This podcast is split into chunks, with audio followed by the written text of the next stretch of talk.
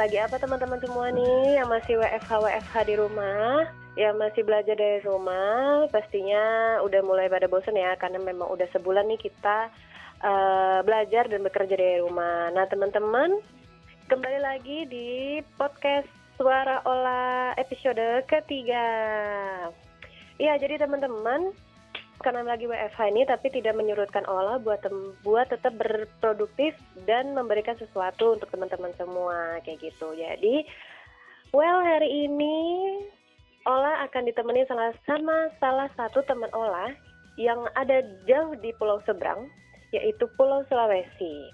Nah, jadi teman Ola ini dia itu adalah koordinator provinsi salah satu organisasi yang konsep banget di, e, di bidang uh, remaja dan anak muda gitu teman-teman. Jadi ini sesuai banget, pas banget buat kita-kita yang masih uh, muda ini, yang masih milenial. Oke, Yola perkenalin sekilas dulu. Jadi Yola uh, akan memperkenalkan Kak Akbar. Kak Akbar ini bernama lengkap Muhammad Akbar. Beliau adalah lulusan dari uh, perguruan tinggi Universitas Hasanuddin gitu.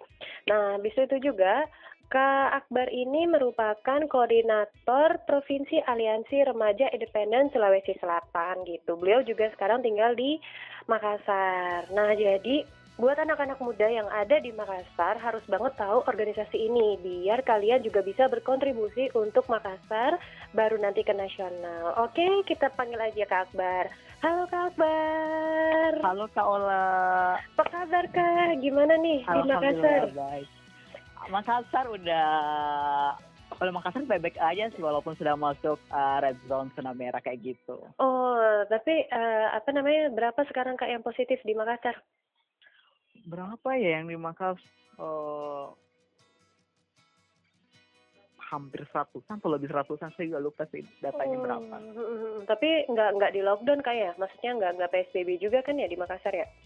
Oh udah mulai di PSBB kan. Saat oh. ini masih tahap percobaan sampai tanggal 23. Oh iya iya iya ya. kalau Jakarta memang sudah harus di PSBB ya karena dia pertama. Jadi ini kita akan sharing-sharing dikit nih Kak Akbar tentang apa sih uh, organisasi Aliansi Remaja Independen Sulawesi Selatan, habis itu bergerak di bidang uh, kepemudaan, di bidang memuda itu di uh, lebih ke hal apa kayak gitu. Habis itu kegiatan-kegiatan apa yang sering uh, dilakukan gitu sama Aliansi Remaja Independen. Ini disingkatnya ARI gitu ya kak ya? Iya benar. Oke, silakan Kak Akbar bisa perkenalkan diri dulu deh kalau gitu. Halo teman-teman podcastnya Suara Ola. Uh, jadi kenalin nama aku Akbar dari Sulawesi Selatan, lebih tepatnya di Kota Makassar. Jadi saat ini aku sebagai koordinator provinsi Aliansi Remaja Independen Sulawesi Selatan, yang mana uh, ARI, kami singkatnya ARI, yang mana ARI itu berfokus untuk tiga isu, yaitu isu kesehatan, uh, non kekerasan dan non diskriminasi, dan ketenaga kerjaan. Jadi kami itu pengurusnya di ARI itu memiliki rentang umur uh, eh, 15 sampai 24 tahun. Jadi kalau misalkan teman-teman yang berumur 15 sampai 24 tahun dan berminat bergabung bersama kami, kami sangat welcome untuk melakukan pendaftaran ketika mulai oprek nanti ke depannya kayak gitu. Oke. Okay. Uh, Terus Kak? Jadi uh, untuk kegiatan-kegiatannya kami sangat beragam kegiatan sih, uh, kegiatan lokal uh, bahkan sampai tingkat kegiatan, uh, kegiatan nasional. Hmm. Kalau Iya kak, jadi kami tuh uh, lumayan banyak, uh, bisa dikatakan lumayan banyak sih kegiatan yang sering uh, kami lakukan hmm, setiap hmm, tahunnya kayak gitu. Karena kalau kami kan uh, untuk masa kepengurusan itu kan dia tiga tahun, jadi uh, ketika udah sampai tiga tahun Uh, ini yang uh, ini ada yang spesialnya kak karena uh-huh. kalau misalkan ketika dia umur 17 tahun men, uh, menjadi anggota ARI, uh, kemudian dia mengurus uh, selama tiga tahun dan umurnya belum sampai 24 tahun, dia ada pilihan mau lanjut mengurus atau tidak lagi kak kayak gitu. Jadi kalau misalkan hmm. umurnya masih muda dia masih bisa lanjut, kecuali kalau umurnya udah uh, 24 tahun uh, ke atas uh, dia sudah mulai uh, istilahnya aging out lah jadi dia dikatakan sebagai alumninya alumninya kami kayak gitu. Oh oke okay, oke okay, oke. Okay. Nah kak kalau kita kepo ini tentang Ari itu sejak kapan ya kak berdirinya organisasi ini? Oh, Ari itu berdirinya uh, pada tanggal 1 Desember 2011.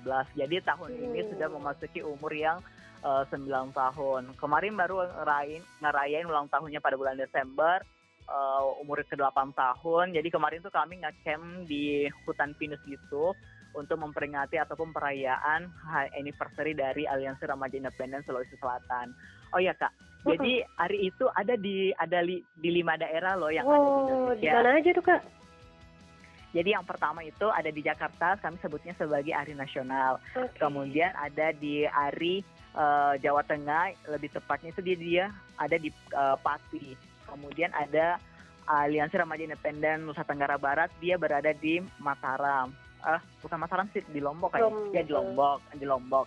Kemudian ada Ari NTT dia uh, lokasinya berada di Kupang kemudian ada Ari Sosial dia di Makassar kayak gitu. Oh oke okay, oke. Okay.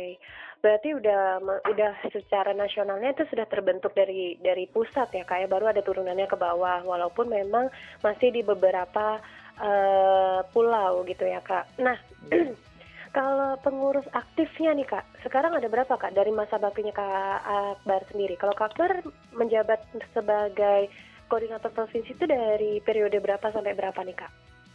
Jadi uh, kebetulan aku kemarin terpilihnya pada hmm. tahun 2019. Hmm. Jadi ini memasuki tahun kedua saya untuk menjabat sebagai koordinator provinsi hmm. dan alhamdulillahnya alhamdulillahnya uh, selang kepengurusan saya itu yang aktif uh, bisa dikatakan uh, di atas rata-rata uh, lah artinya dari setengah uh, bisa dikatakan sangat aktif kayak gitu sekitar 28an orang uh, aktif uh, menjadi uh, pengurus maupun anggota di Ari Sosial kayak gitu. Hmm. Nanti aku selesainya itu pada tahun 2021. 2021 ya tiga tahun berarti ya kak ya? Iya tiga tahun. Nah tiga tahun itu untuk uh, jajaran inti aja atau untuk semua pengurus gitu kak? Mungkin kan ada perbedaan gitu.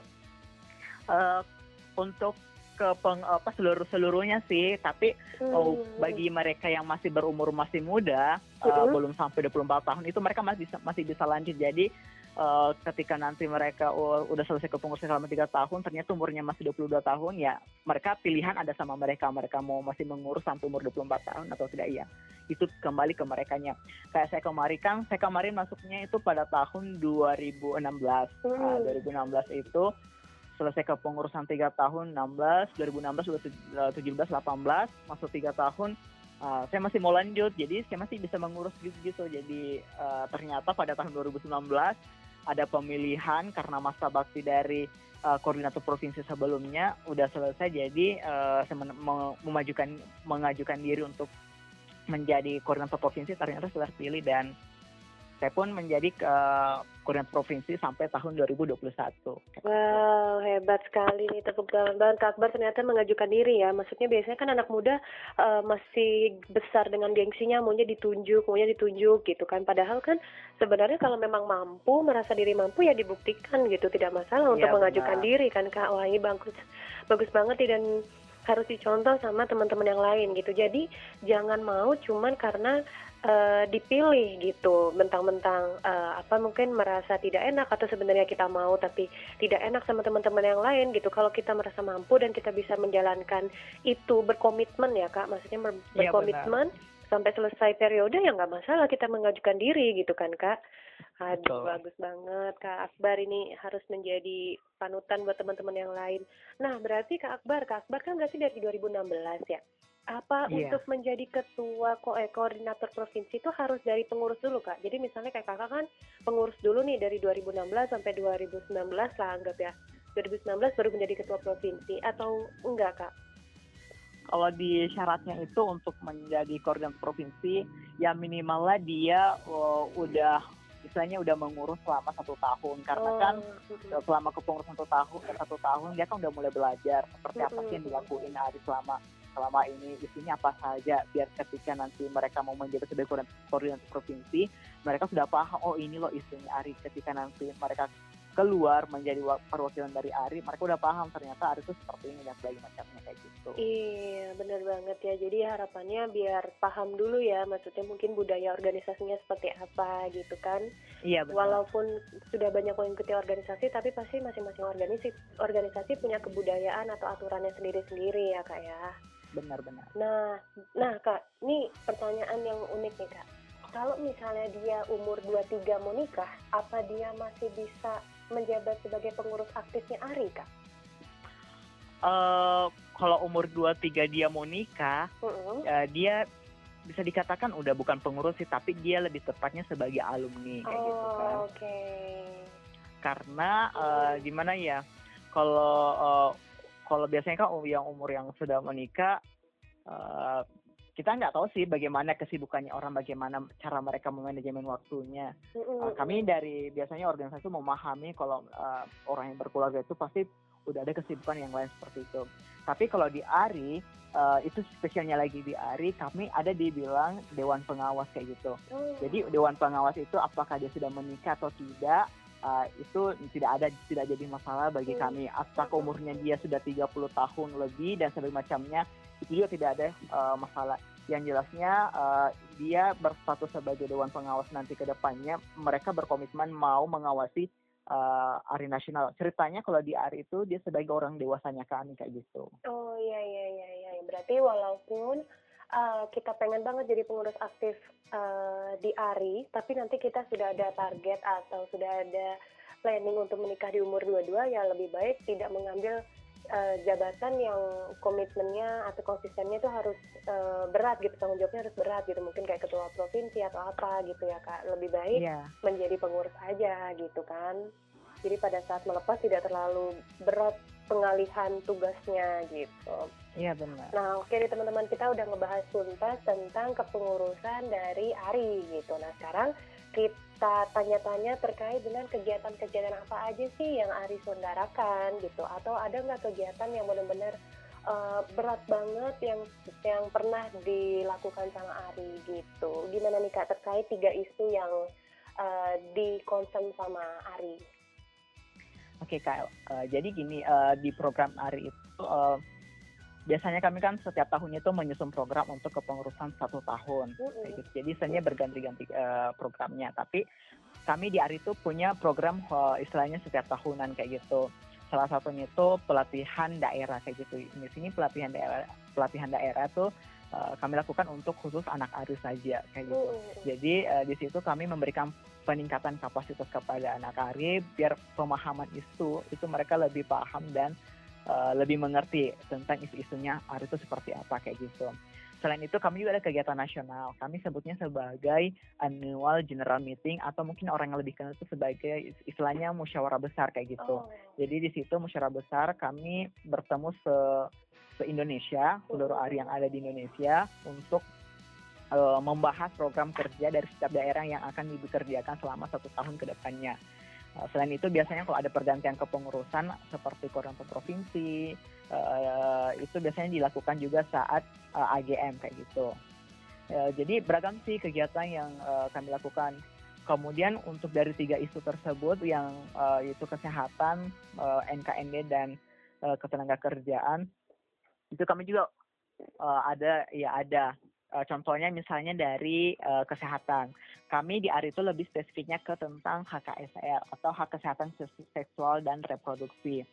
Jadi uh, kemarin itu kami membuat sebuah kegiatan atau event uh, yang mana untuk bagaimana kita misalnya memberikan uh, informasi kepada masyarakat tentang khususnya tentang HKSR itu kemarin ngadain kegiatan yang namanya Youth Health Celebration atau ya singkatnya ya HC kayak gitu IHC 2019 uh, di mana kegiatannya itu sangat beragam. Salah satunya adalah ada uh, School Roadshow kami ke sekolah untuk istilahnya memberikan kepemahaman kepada siswa uh, khususnya SMP tentang apa sih itu HKSR kayak gitu. Kalaupun ada masalah tentang uh, remajanya itu sendiri ke mana sih harus mengadu. Nah, hmm. kami memberikan informasi kalau untuk remaja itu sudah ada pelayanan tersendirinya, namanya itu PKPR atau pelayanan kesehatan peduli remaja kayak gitu. Jadi ketika nanti remaja memiliki masalah ataupun keluhan, itu mereka bisa langsung melakukan akses ke PKPR.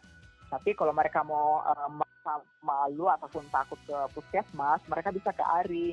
Uh, karena kami juga dengan Dinas Kesehatan Provinsi Selatan. Itu juga sudah di ARI itu berada di misalnya bagian satu jalur juga untuk uh, ARI bisa jadikan sebagai tempat akses untuk misalnya uh, sharing lah kayak gitu. Sharing lah antara remaja dan remaja kan. Uh, dan di situ nanti di ARI uh, kami memberikan misalnya kayak uh, mempengaruhi ataupun meyakinkan ke remaja ini uh, untuk lebih uh, mau melakukan aksesnya ke langsung ke PKPR kayak gitu Misalnya kami memberikan uh, motivasi lah untuk mau melakukan akses ke PKPR di tepatnya di puskesmas kayak gitu. Hmm. Kemudian uh, kegiatan yang lain itu kami juga kemarin ngelakuin kegiatan namanya itu obrolan teman pulau. Ya dari kata pulaunya pasti kegiatannya di pulau kan. Hmm. Jadi kami kemarin ke pulau bertemu sama masyarakat juga, ibu-ibu khususnya ibu-ibunya sih, khususnya ke ibu-ibunya, tapi ada juga orang tua dari bapak-bapaknya juga yang hadir karena mereka juga uh, penasaran apa sih yang dilakukan anak hari ini kayak gitu kan. Hmm. Jadi kemarin kegiatan itu kami memberikan informasi uh, tentang uh, bentuk-bentuk dari segi pelayanan PKPR itu seperti apa, kemudian HKS itu seperti apa dan ternyata dari kegiatan tersebut mereka mulai mulai paham oh ternyata ada loh layanan khusus untuk remaja seperti itu. Kami juga bertemu sama siswa yang ada di pulau uh, SMP-nya memberikan pemahaman. Jadi nanti kalau misalkan teman-teman remaja SMP kalau memiliki keluhan itu jangan khawatir lagi, bisa langsung datang ke puskesmas dan uh, berada langsung di layanan khususnya untuk remaja itu PKPR kayak gitu. Hmm. Dan kalau untuk NKNB, jadi sebetulnya dulunya kami sebutnya uh, pendidikan sih isu pendidikan, tapi sekarang kami menggantinya menjadi NKNB atau non kekerasan dan non diskriminasi. Bentuk kegiatan yang pernah kami lakukan itu sendiri itu kami ada kegiatan namanya Speak Up for Bullying jadi Speak Up for ini memiliki beberapa rangkaian kegiatan lagi, gitu seperti mini workshop, kemudian ada Friends Day, ada uh, ada mading anti bullying, kemudian ada online campaign kayak gitu. Jadi kami betul-betul uh, memberikan pemahaman kepada siswa apa sih dari uh, dampak uh, pembulian kayak gitu, baik itu pelakunya maupun dari si korbannya kayak gitu. Dan ternyata kegiatan tersebut uh, bisa dikatakan uh, sangat bermanfaat untuk kepada remaja karena kan uh, mungkin kalau juga tahu ya bagaimana dari kasus-kasus dari pembulian yang ada di sekolah kayak gitu. Kemudian uh, untuk isu ketenaga kerjaan, kami kemarin tahun lalu mengadakan kegiatan uh, itu International Youth Day dengan bekerja sama dengan uh, NGO juga kayak gitu, uh, NGO uh, NGO internasional lah. Ya NGO internasional uh, kami kerjasama uh, dan uh, bisa dikatakan juga uh, dia pendonornya. Uh, kemudian kami kolaborasi sebagai uh, apa ya konsultan komunitas kayak gitu, komunitas konsultan community untuk di Makassar. Jadi kemarin ada yang kegiatan yang masih namanya International International Youth Day dengan mengangkat tema Empower Youth Power atau lebih spesifiknya kita bagaimana memberikan pemahaman kepada remaja atau anak muda tentang peningkatan life skill apakah dari dari segi soft skillnya maupun dari hard skillnya kayak gitu. Wah, kayak gitu sih Banyak banget ya kegiatannya, maksudnya uh, sangat terperinci, sangat jelas dan tujuan sasarannya itu memang benar-benar lagi diperlukan oleh anak muda sekarang nih, karena uh, anak muda zaman sekarang itu memang tidak bisa disamakan dengan beberapa era yang sebelumnya gitu kan. Seiring berkembangnya teknologi, uh, zaman juga jadi banyak banget dari segi yang berubah gitu ya Kak Akbar ya. Iya. Nah Kak Akbar, uh, kalau menurut Kak Akbar nih selama menjabat menjadi uh, koordinator provinsi gitu ya, uh, pernah nggak mengalami atau menangani masalah yang uh, membuat si anak ini sampai depresi atau stres kayak gitu kak dan kalau di Makassar sendiri atau di Sulawesi Selatan itu untuk permasalahan remaja itu paling tingginya tuh di bidang apa gitu kak atau di isu apa gitu? Oke, okay. uh, eh, jadi kak kalau di Makassar bisa dikatakan uh, lumayan banyak uh, isu sih yang hmm. bisa ditemukan begitu.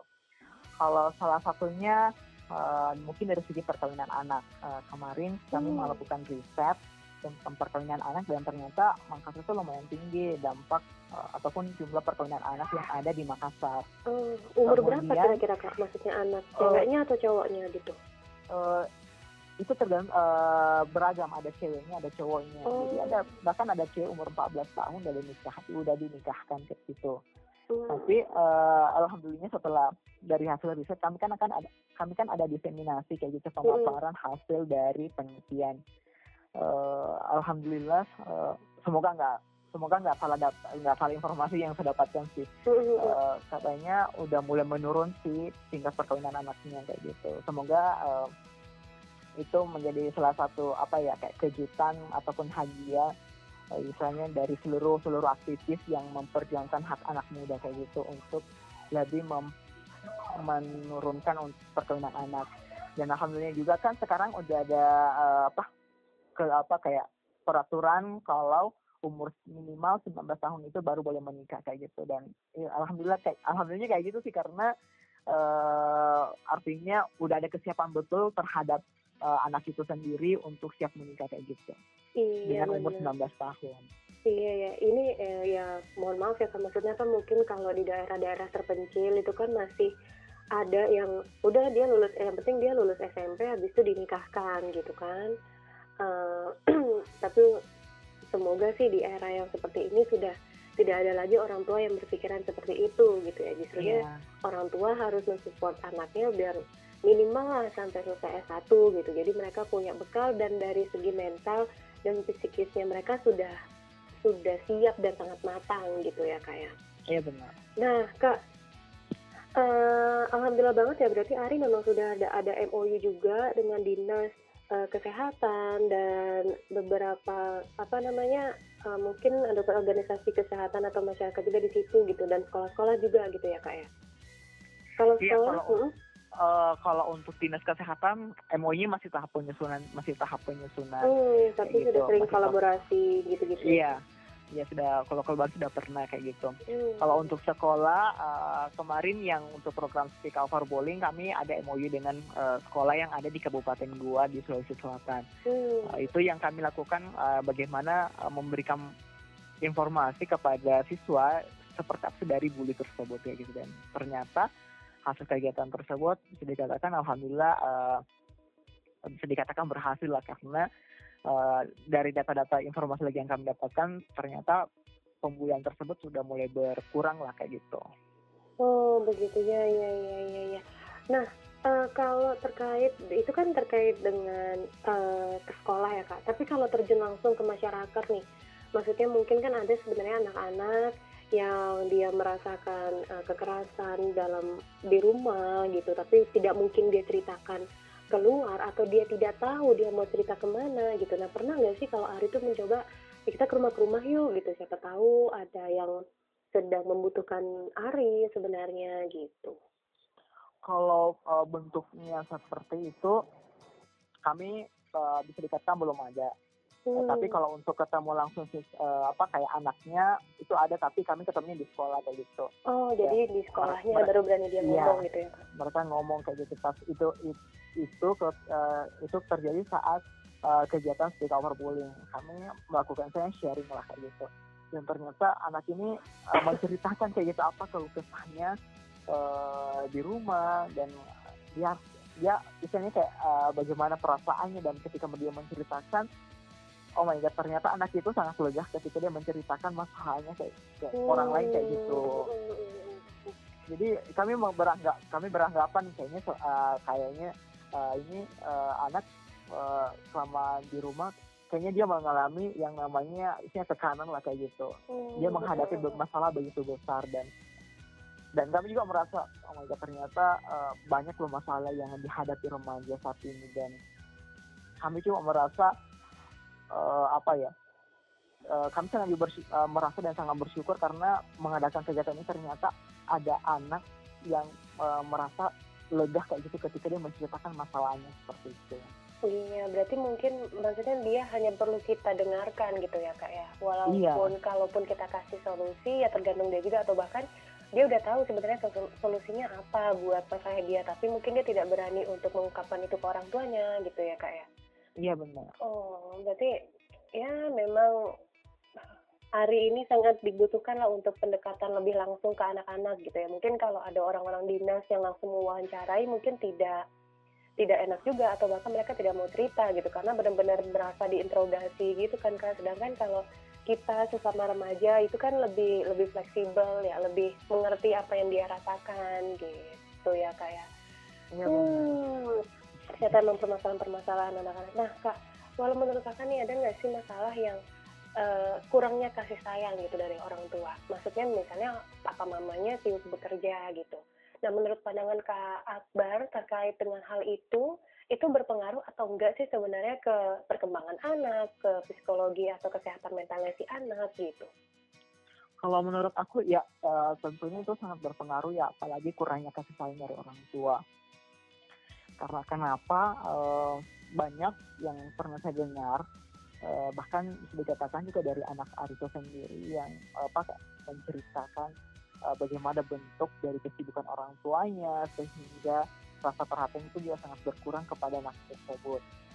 Dan uh, apa ya dari segi uh, tekanan itu bisa dikatakan sangat berat gitu yang mereka hadapi di di mana lagi di lain sisi ketika dia apa misalnya uh, terjadi pembulian di sekolahnya tapi dia tidak berani menceritakan ke orang tuanya. Karena dia beranggapan ya orang tua fleksibel dan segala macamnya. Dan kadang mungkin orang kadang mungkin orang tuanya tidak uh, tidak ada waktu untuk mendengarkan cerita anaknya. Dan iya, itu biasanya membuat anak itu sangat tertekan kayak gitu. Dan uh, apa ya kita bisa sangat bisa melihat dari mungkin dari segi perilakunya dan ketika itu saya berani menanyakan kamu ini kenapa? kayak gitu. Dan lambat tidak musisi dia berani menceritakan seperti ini dari uh, orang tuanya dan sebagainya macamnya. Dan ketika dia menceritakan ya kami mulai sudah mulai uh, saya mulai sendiri sudah mulai paham oh ternyata uh, uh, orang anak ini anak ini istilahnya kurang perhatian. Jadi bagaimana saya tidak uh, kalau saya sebagai pemimpin bagaimana tidak terlalu menekan uh, istilahnya tidak terlalu memberikan banyak tanggung jawab ke anak ini. Jangan sampai dia merasa uh, tertekan karena begitu banyak tanggung jawab yang saya berikan. Jadi uh, istilahnya saya betul-betul memahami kondisi seluruh anggota saya. Jangan sampai uh, tanggung jawab yang mereka yang diberikan ataupun yang mereka mau ambil itu merasa menjadi beban mereka. Karena jangan sampai uh, masalah yang mereka hadapi di rumah ditambah lagi dengan istilahnya tanggung jawab yang mereka pilih ataupun yang uh, diberikan itu menjadi beban sehingga membuat anak semakin depresi kayak gitu. Jadi uh, kalau menurut aku sih uh, kurangnya kasih sayang dari orang tua itu kepada anak itu bisa dikatakan betul-betul sangat berdampak kayak gitu. Hmm.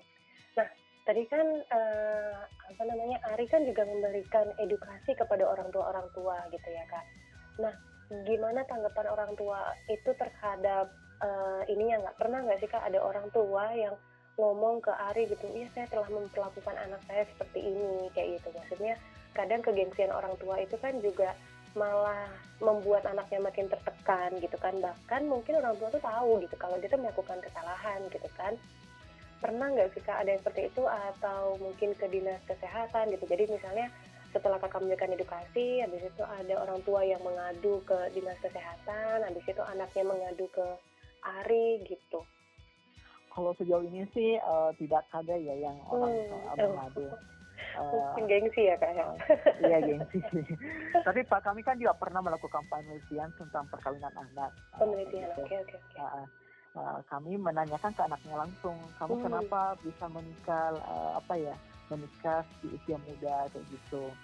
Nah, dari hasil tersebut penelitian mengatakan kalau uh, itu pertama dari faktor ekonomi ya ini anggapan dari uh, orang apa anaknya uh, dan uh, hasil penelitian juga itu biasanya ada orang tua yang uh, istilahnya sudah merasa terbebani dengan anaknya sudah mulai tumbuh dewasa walaupun uh, masih SMP kayak gitu ya anggapan biasanya orang dari daerah itu uh, bisa dilihat kalau udah mulai dewasa, udah mulai masuk SMP sama ke SMP tuh udah siap menikah kayak itu. Makanya dia langsung dinikahkan.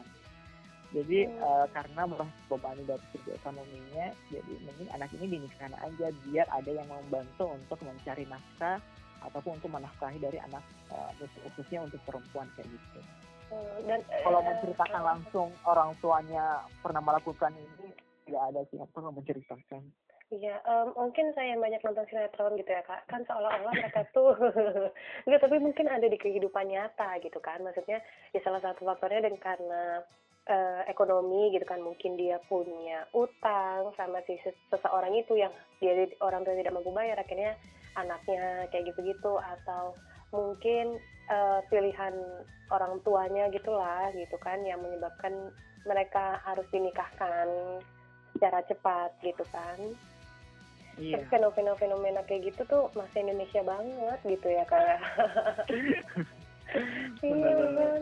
Nah, aduh. Nah, kak terkait dengan em, kekerasan seksual pada anak, ini kan juga tinggi ya kak. Kalau tadi kan kita lebih bahas ke kesehatan mental ya, walaupun ujung-ujungnya itu juga eh, bakal bikin traumatik si anak gitu kan. Tapi apakah untuk di Sulawesi Selatan sendiri itu tinggi kak kasusnya gitu anak-anak di bawah umur yang mengalami kekerasan eh, seksual gimana kak? Eh, untuk di Sulawesi Selatan kita bisa katakan kekerasan seksual itu di Sulawesi bisa dikatakan yang tinggi Ah, Oh. karena salah, salah satu faktornya juga kan eh, biasanya bentuk dari kekerasan seksual itu dinikahkan sejak dini kayak gitu. Hmm. Ket- ketika juga ini semua uh, uh, menceritakan dari hasil penelitian juga penelitian lagi ya. Jadi kami juga kemarin menemukan, menemukan informan itu anak perempuan kenapa dia dinikahkan uh, sejak dini itu karena mengalami uh, istilahnya kayak kekerasan seksual juga karena bisa dikatakan uh, apa dia diperkosa kemudian juga dia dicabuli dan sebagainya. Dan ketika dia hamil ya mau nggak mau dia harus dinikahkan kayak gitu. Kemudian eh, salah satu bentuk kekerasan juga eh, apa kayak, kayak keras kekerasan dalam berpacaran kayak gitu. Itu termasuk juga Oh. bagian dari kekerasan kayak gitu. Karena kan kalau orang berpacaran biasanya eh, yang dilihat eh, yang terjadi itu ber- sangat beragam kayak gitu. Apakah eh, dari pacarnya sering memukuli si perempuannya ataupun sering apa kayak eh, memaksa untuk berhubungan dan sebagainya macamnya. Itu eh, di Sulawesi Selatan bisa dikatakan ada kayak gitu. Tapi kami tidak bisa saya secara pribadi tidak bisa mengatakan ya, apakah itu tinggi at- apa atau, atau pintu banyak atau tidaknya. Eh, karena untuk penelitian kami lebih lanjut itu belum eh, istilahnya belum bisa dikatakan eh, belum menemukan hasil yang tepat kayak gitu jadi eh, kami dari uh, Aritum sendiri masih akan melakukan tahap penelitian lebih lanjut lagi untuk eh, mengumpulkan data-data yang lebih eh, jelas kayak gitu. Oh iya iya, iya. saya juga baru ingat kalau ternyata memang kekerasan pada anak itu bukan hanya eh, orang tua gitu ya. Mungkin orang tua adalah satuan unit terkecilnya karena di rumah gitu, tapi dari pacar, ya teman dekat, sahabat itu juga memungkinkan adanya kekerasan. Oh iya benar banget ya kayak. Iya saya juga baru oh iya ya ternyata iya pacar itu maksudnya sering mungkin saking cemburunya atau saking sayangnya gitu kan. Jadi bermain fisik dan ya yang sejauhnya mungkin sampai ke seksual gitu. Nah, berarti memang PR Ari ini sebenarnya masih banyak banget ya kak ya yang harus banget dikupas gitu kan. Itu aja mungkin Sulawesi ya kan, maksudnya Sulawesi Selatan tuh kan maksudnya tidak bukan ibu kota. Mungkin kalau di Jakarta lebih beragam lagi masalah yang dihadapi sama anak mudanya gitu, anak remaja itu gitu kan kak. Iya benar. Hmm, nah kalau misalnya nih kak isu nasional nih kak, kan eh, sering tadi kan dibahas tuh eh, kalau ada musyawarah besar setiap tahunnya yang dibahas. Nah itu pasti kan pembahasan tentang isu apa sih yang lagi booming banget yang ada di daerah yang akhirnya dibawa ke nasional dan ternyata di nasional itu juga menjadi PR yang sebenarnya belum bisa diselesaikan gitu. Apa tuh kak? Oh iya, oke untuk dari masalah nasional sih bisa dikatakan juga eh, lumayan banyak ya. Hmm, Bahkan sampai eh, Lebih kompleks lagi mungkin ya kak ya? iya, bahkan sampai eh, diser- eh, apa kayak eh, ke daerah-daerah juga ada kayak gitu. Isunya isunya sama lah sehingga itu dijadikan sebagai isu Isu nasional. nasional. Heeh. Contohnya misalnya dari segi pelayanan, pelayanan kesehatan peduli remaja kayak gitu. Kita melihat apakah dari akses pelayanan kesehatan pulih remaja itu sudah maksimal atau belum ketika menangani uh, masalah remaja yang ada di Indonesia. Jadi kemarin itu kami melakukan penelitian di Jakarta dan di Sulawesi Selatan. Uh, kami uh, melakukan penelitian terkait bagaimana bentuk pelayanan kesehatan uh, terhadap remaja yang ada di puskesmas, baik itu di Jakarta maupun yang ada di Sulawesi Selatan kayak gitu. Hmm. Itu sih salah satu bentuk isu nasional yang uh, apa ya yang terjadi kayak gitu. Kemudian dari isu yang lain itu ya itu adalah HKSR lagi kayak gitu. Karena memang dari isu HKSR itu bisa dikatakan hampir uh, se Indonesia bahkan mungkin tingkat dunia itu mm-hmm. paling banyak kayak gitu. Jadi itu uh, merupakan uh, masalah utama dan masalah nasional uh, untuk di hari itu yang menjadi masalah perma permasalahan utama yang harus ditangani di seluruh daerah kayak gitu karena di Pati, di NTB, di NTT, Sulsel, dan Jakarta pun itu semuanya banyak kekerasan yang terjadi setiap daerah, khususnya tentang HKSR. Oh iya iya iya, ya. berarti memang uh, tiga isu yang diambil oleh Ari ini diharapkan sudah mencangkup semua permasalahan remaja gitu ya kayak ya, baik daerah iya. maupun nasional gitu.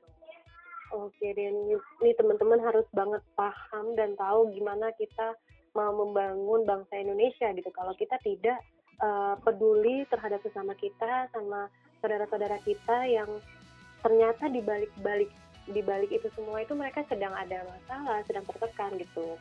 Harapannya mungkin kita yang walaupun tidak pengurus ARI tapi kita punya teman yang mengalami seperti itu kita bisa sampaikan ke ARI harapannya biar teman-teman di ARI yang bertemu mereka sesuai dengan sudah yang sudah diajarkan atau yang diedukasikan gitu kalau memang kita tidak paham banget tentang bagaimana menyelesaikan itu itu setidaknya kita bisa menjadi pendengar dan menyampaikan ke teman-teman di ARI gitu harapannya ya kayak ya. jadi pedulian kita tuh terhadap uh, kepekaan kita terhadap sesama tuh harus benar-benar ditingkatkan juga ya kayak ya. benar nah kira-kira kegiatan-kegiatan apa lagi nih kak yang sudah diagendakan tapi belum terrealisasi nih kak sampai sekarang untuk di Ari Sulsel sendiri? Untuk yang kegiatan yang belum terrealisasikan ya. Uh -uh. Uh, untuk saat ini mungkin uh, kegiatan yang terrealisasikan adalah terjun langsung ke desa kayak gitu. Desa, terjun desa. langsung ke desa uh, untuk uh, bagaimana kami dari Ari bisa memberikan uh, informasi tentang HKSR kayak gitu, uh. maupun tentang PKPR apalagi kan di setiap desa uh, bisa dikatakan setiap desa itu banyaklah kejadian yang uh, kita juga belum tahu seperti apa bentuk kejadiannya. Tapi kami yakin pasti banyak kejadian yang terjadi apalagi tentang remaja itu di desa kayak gitu. Jadi harapannya nanti ke depannya kami itu yang sangat kami inginkan itu adalah langsung terjun ke desa memberikan informasi tentang uh, khususnya tentang HKSR maupun uh, tentang PKPR gitu. Hmm, berarti ini salah satu kegiatan yang harus di pending dulu karena adanya COVID-19 ini ya kak ya? Iya benar. Oke, tapi kalau untuk uh, online-online kayak gitu atau kakak juga membuka Ari uh, Sulsel ini ada konsultasi online mungkin ada nggak kak kira-kira? Kalau untuk uh, konsultasi online, kalau dia uh, misalnya meng mengalami masalah tentang remaja kami feel free untuk uh, bisa di DM ke uh, apa ke Instagram, Instagram. kami hmm. ataupun ke emailnya Ari kayak gitu kalau misalkan mau um, mau sharing lah kayak gitu bisa kan uh, sangat free untuk dilakukan diskusi online. Oke, okay. nah itu untuk teman-teman berarti kalau misalnya teman-teman di sekitar kita ada yang itu bisa mungkin sekarang lewat DM dulu gitu ya. Atau kalau memang teman kenal pengurus dari teman-teman Ari langsung WA aja gitu. Eh bro nih gue ada temen gue begini-begini tuh nggak masalah juga gitu kan kak ya? Iya.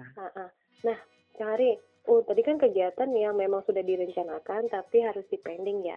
Nah kalau kegiatan yang ingin diwujudkan tapi masih ada kendala itu apa tuh kak kira-kira kalau uh, mungkin bukan kegiatan sih uh, yang ingin yang ingin kami wujudkan uh, iya, iya. luarannya kami lah kayak gitu mm, -hmm. ketika uh, dari Ari itu sendiri ya luarannya kami berharapnya ada jurnal kayak gitu ataupun mm. buku pegangan lah uh, yang yang mana dalam isinya itu uh, khusus tentang remaja dan fokusnya tentang tiga isu dari yang Ari lakukan dari segi uh, kesehatan, NKND-nya maupun dari segi ketenaga kerjaannya. Nanti kami berharapnya dari uh, jurnal atau buku pegangan ini nanti bisa menjadi uh, bisa menjadi infor, eh, wadah in, apa tuh sumber informasi kepada remaja apa yang harus dilakukan dan bentuk-bentuk kegiatan apa yang bisa dilakukan dan apa yang harus uh, bagaimana sikap ketika menghadapi uh, permasalahan seperti ini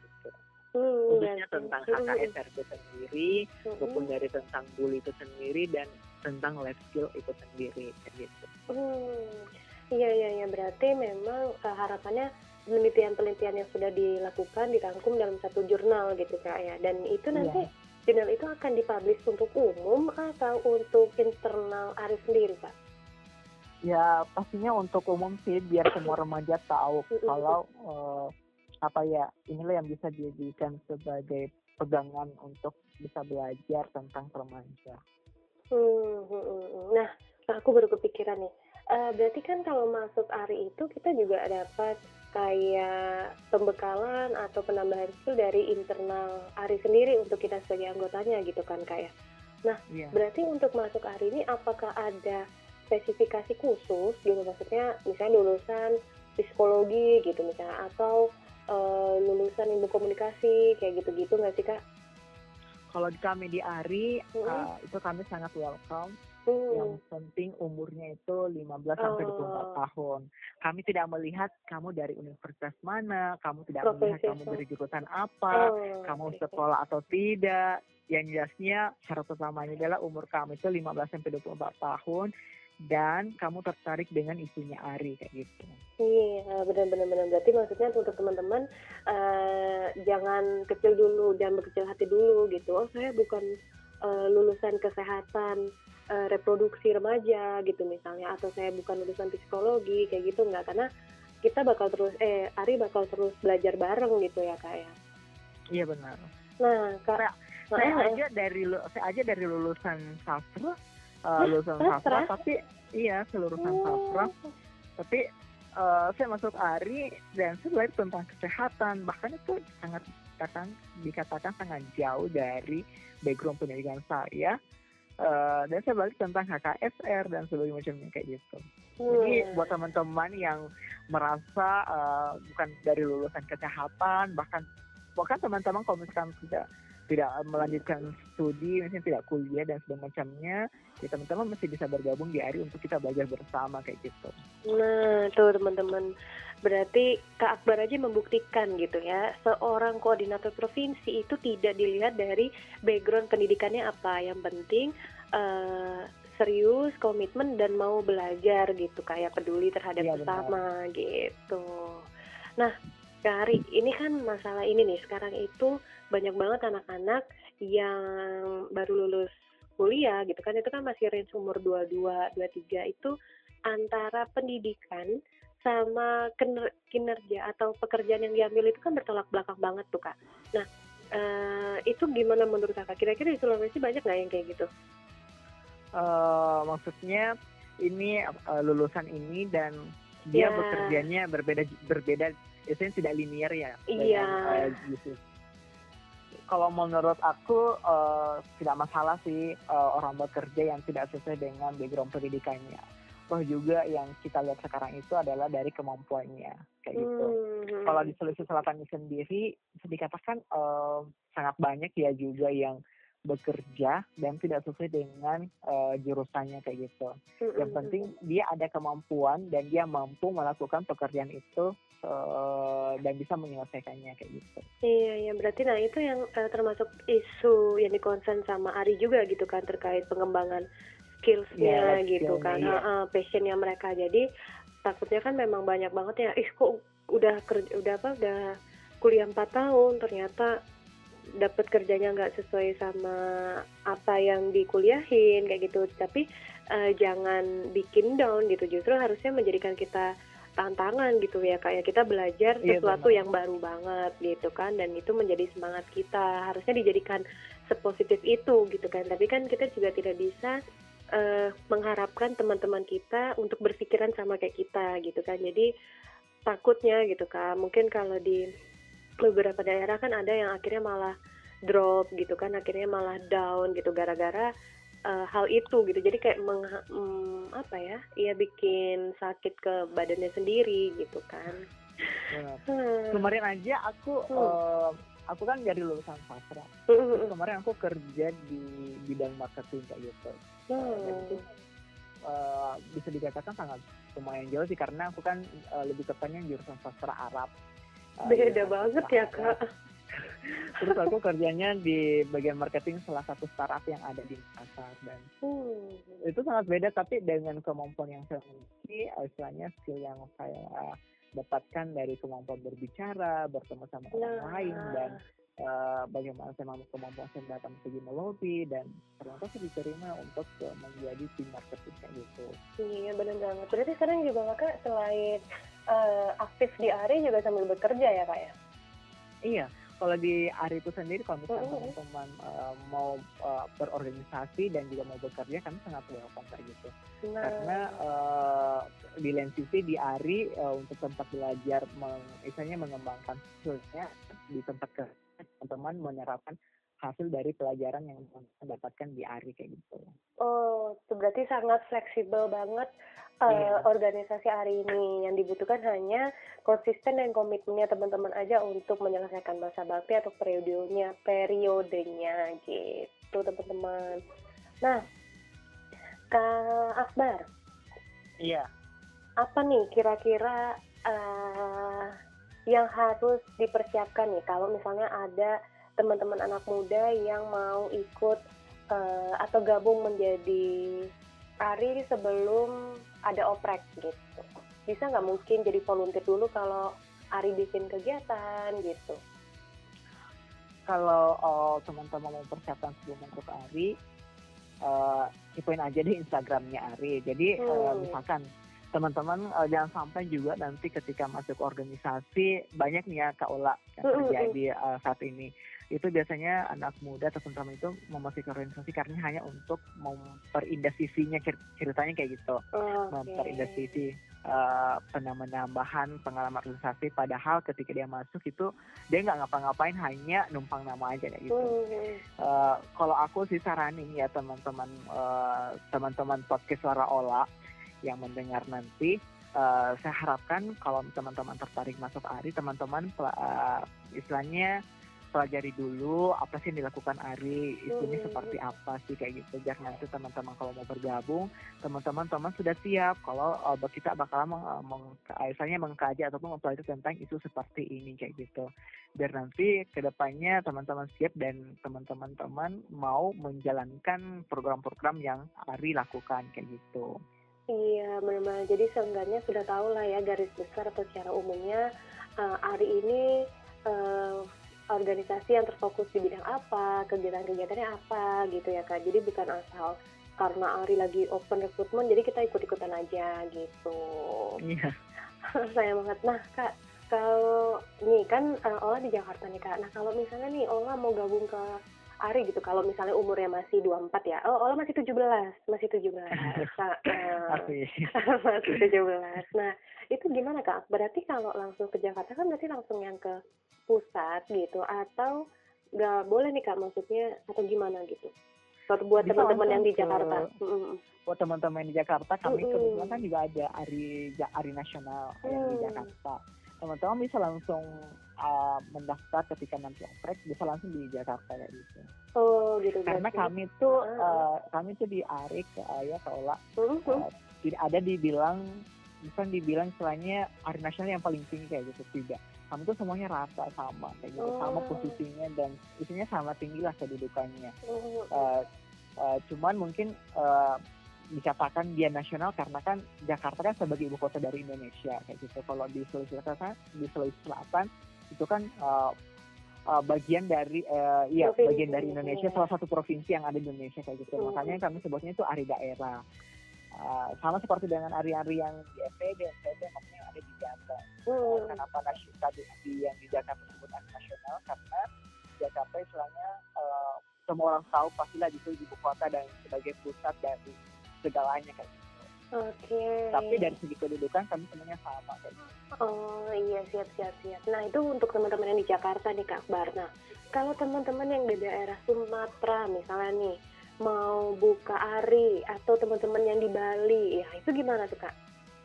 Kalau soal untuk membuka uh, lokasi Cabang, di lokasi cabang ya. ya, di- uh, kalau cabang kayak kantor kantorannya jadi uh, kami sebutnya apa ya lokasi lah kayak gitu Oke, Atau, oke, uh, pembukaan provinsi baru mm, mm, uh, di misalnya di Sumatera mm, mm. uh, untuk saat ini apa ya kami belum saya belum bisa mengatakan gimana ya karena uh, kami harus sepakati dulu apakah kita akan membuka uh, Hmm. cabang tapi kalau misalkan teman-teman dari Sumatera ataupun dari luar daerah yang Sudah ada apa yang sudah ada arinya uh, teman-teman hmm, boleh aja sih mendaftar. Tapi uh, untuk saat ini kami diharapkan yang memang betul-betul uh, dekat dengan daerah tersebut. Karena ya ma- uh, kan nggak kan bisa dikatakan nggak mungkin juga kan teman-teman bolak-balik naik pesawat untuk uh, datang meeting ikut program dan sebagainya. Hmm, kayak hmm. gitu Berarti mungkin bisa aja diajukan dulu, tapi nanti mungkin bakal dibahas di musyawarah besarnya Ari gitu ya. Mungkin dilihat iya. pertimbangannya perlu apa tidaknya atau mungkin bisa digabung sama misalnya kayak Jawa Tengah mungkin dekat sama Jawa Timur sama Jawa Barat mungkin bisa digabung dulu di Jawa Tengah kayak gitu ya kak pertimbangan benar, pertimbangannya ya. Nah oh selain itu juga kak kita juga melihat dari kesiapan uh, apa ya pemudanya juga sih. Oh, ya, Mungkin, mengajukan uh, itu apakah gitu ya, dari apakah dari pemuda ini mau nggak mengurus ari kayak gitu. Kalau misalkan uh, dia mau itu bisa jadi pertim- bahan pertimbangan lagi uh, Hmm, untuk hmm. membuka uh, ataupun mendirikan ari di daerah tersebut. Kalau misalkan dari kesehatan pemudanya tidak siap ya yang ngapain coba kita membuka uh, ari di sana jangan sampai nanti ke depannya itu uh, istilahnya Ari nggak nggak ngapa-ngapain lah kayak gitu di daerah tersebut Hmm. karena nggak ada pengurusnya dan sebagainya iya itu sangat malah. dipertimbangkan sekali sih kak Iya benar benar benar benar gitu. Jadi teman-teman eh, kalau memang mau mungkin bisa bentuk berapa orang dulu mungkin 10 atau 15 dan melihat kesungguhannya buat membuka ari di daerah-daerah yang belum ada arinya gitu ya kak ya.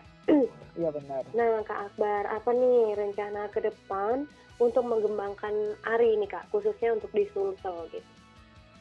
kalau rencana ke depannya yaitu em, kami lagi tahap penyusunan juga sih untuk eh, istilahnya ada satu lokasi yang memang betul-betul eh, dikatakan eh, binaannya Ari lah kayak gitu. Biar Hmm. nanti ya, segala informasi ataupun edukasi yang diberikan tuh lebih ter eh, lebih berkelanjutan kayak gitu. Biar eh, bisa dijadikan dan bisa dijadikan sebagai eh, daerah percontohan misalnya dari segi daerah tanpa bully kayak gitu Hmm, daerah yang nol perkawinan anaknya yang daerah yang nol kekerasan seksual kayak gitu Hmm. Itu sih.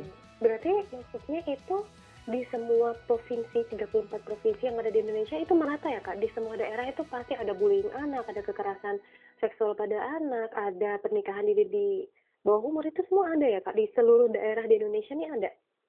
kalau eh, yang dari yang lihat semuanya sih ada ya karena kan Oh. eh, dari setiap provinsi kan memiliki daerah kemudian setiap daerah memiliki eh, mungkin pedesaan tapi kita tidak bisa tidak, tidak boleh mengeneralkan seluruh yang Iya. yang dari pedesaan itu pasti eh, dia eh, banyak perkawinan anaknya kita tidak boleh mengeneralkan seperti itu bisa saja di perkotaan itu juga lebih banyak eh, terjadi perkawinan anaknya kayak gitu.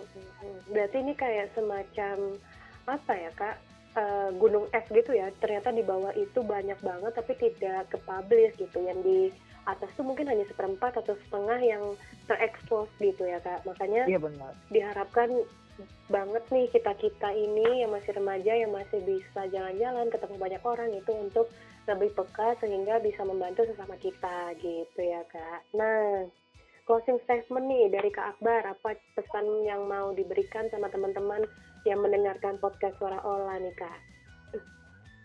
uh, untuk uh, apa teman-teman yang pendengar setia dari podcast Suara Ola, uh, saya uh, selaku remaja, selaku pemuda, selaku kaum milenial, siap. ya kaum milenial juga, saya mengharapkan kepada teman-teman untuk uh, apa ya, uh, jangan pernah berputus asa ketika ingin mencapai sesuatu. Uh, teruslah bekerja, memperjuangkan dan dibarengi dengan doa biar kita bisa menggapai uh, impian kita kayak gitu. Karena ketika teman-teman berputus asa untuk menggapai impian tersebut, ya gimana gimana ya ya semuanya bakal nggak bakalan kecapaian kalau misalkan teman-teman mudah putus asa intinya sih jangan putus asa ya ketika menghadapi sebuah uh, cobaan dari setiap impian yang ingin kita capai karena uh, percayalah uh, uh, semakin indah perjuangan itu semakin indah hatinya kayak gitu. Si quotes today itu teman-teman semakin apa kuat semakin semakin keras perjuangan keras perjuangan hasilnya. Iya. Nah, silakan nih kak dipromosikan Arinya, biar ke mana, Instagram, website, apa-apanya nih kak. Ayo dipromosiin. Jadi teman-teman yang kepo dengan Ari itu seperti apa, bisa teman-teman follow Instagramnya Ari, Ari underscore social, atau juga bisa kepoin saya tentang kegiatan-kegiatan Ari, bisa follow Instagram saya Asbar Regista. Siap. Oke deh teman-teman. Um, tadi adalah satu jam kita bersama Kak Akbar. Beliau merupakan koordinator provinsi Ari Sulsel yang gitu. Nah teman-teman kalau mau bergabung atau teman-teman punya masalah, teman-teman mau cerita bisa banget uh, langsung lihat di IG-nya Ari underscore Sulsel. Jadi uh, organisasi Aliansi Remaja Independen Sulawesi Selatan gitu teman-teman. Oke teman-teman, terima kasih Kak Akbar atas waktunya ya. satu jamnya kita sudah uh, mengupas tuntas nih kegiatan ARI, organisasi ARI ini apa, bagaimana cara uh, untuk bergabung, terus ARI ini ada di mana aja gitu. Nah, terima kasih banget Kak, uh, Kak Akbar atas waktunya. Semoga kita bisa ketemu lagi di lain kesempatan dan kita ketemu beneran ya kak ya. Kalau main ke Jakarta, iya, info-info ya kak ya. Kita kan ya, ketemunya siap, di virtual terus nih gitu. ya baik, terima kasih buat Kak Akbar sekali lagi. Nah untuk teman-teman pantengin terus podcast Suara Olah. Selanjutnya kita akan kolaborasi dengan komunitas atau organisasi kemudaan kepemudaan di bidang apa? Jangan lupa. Dadah.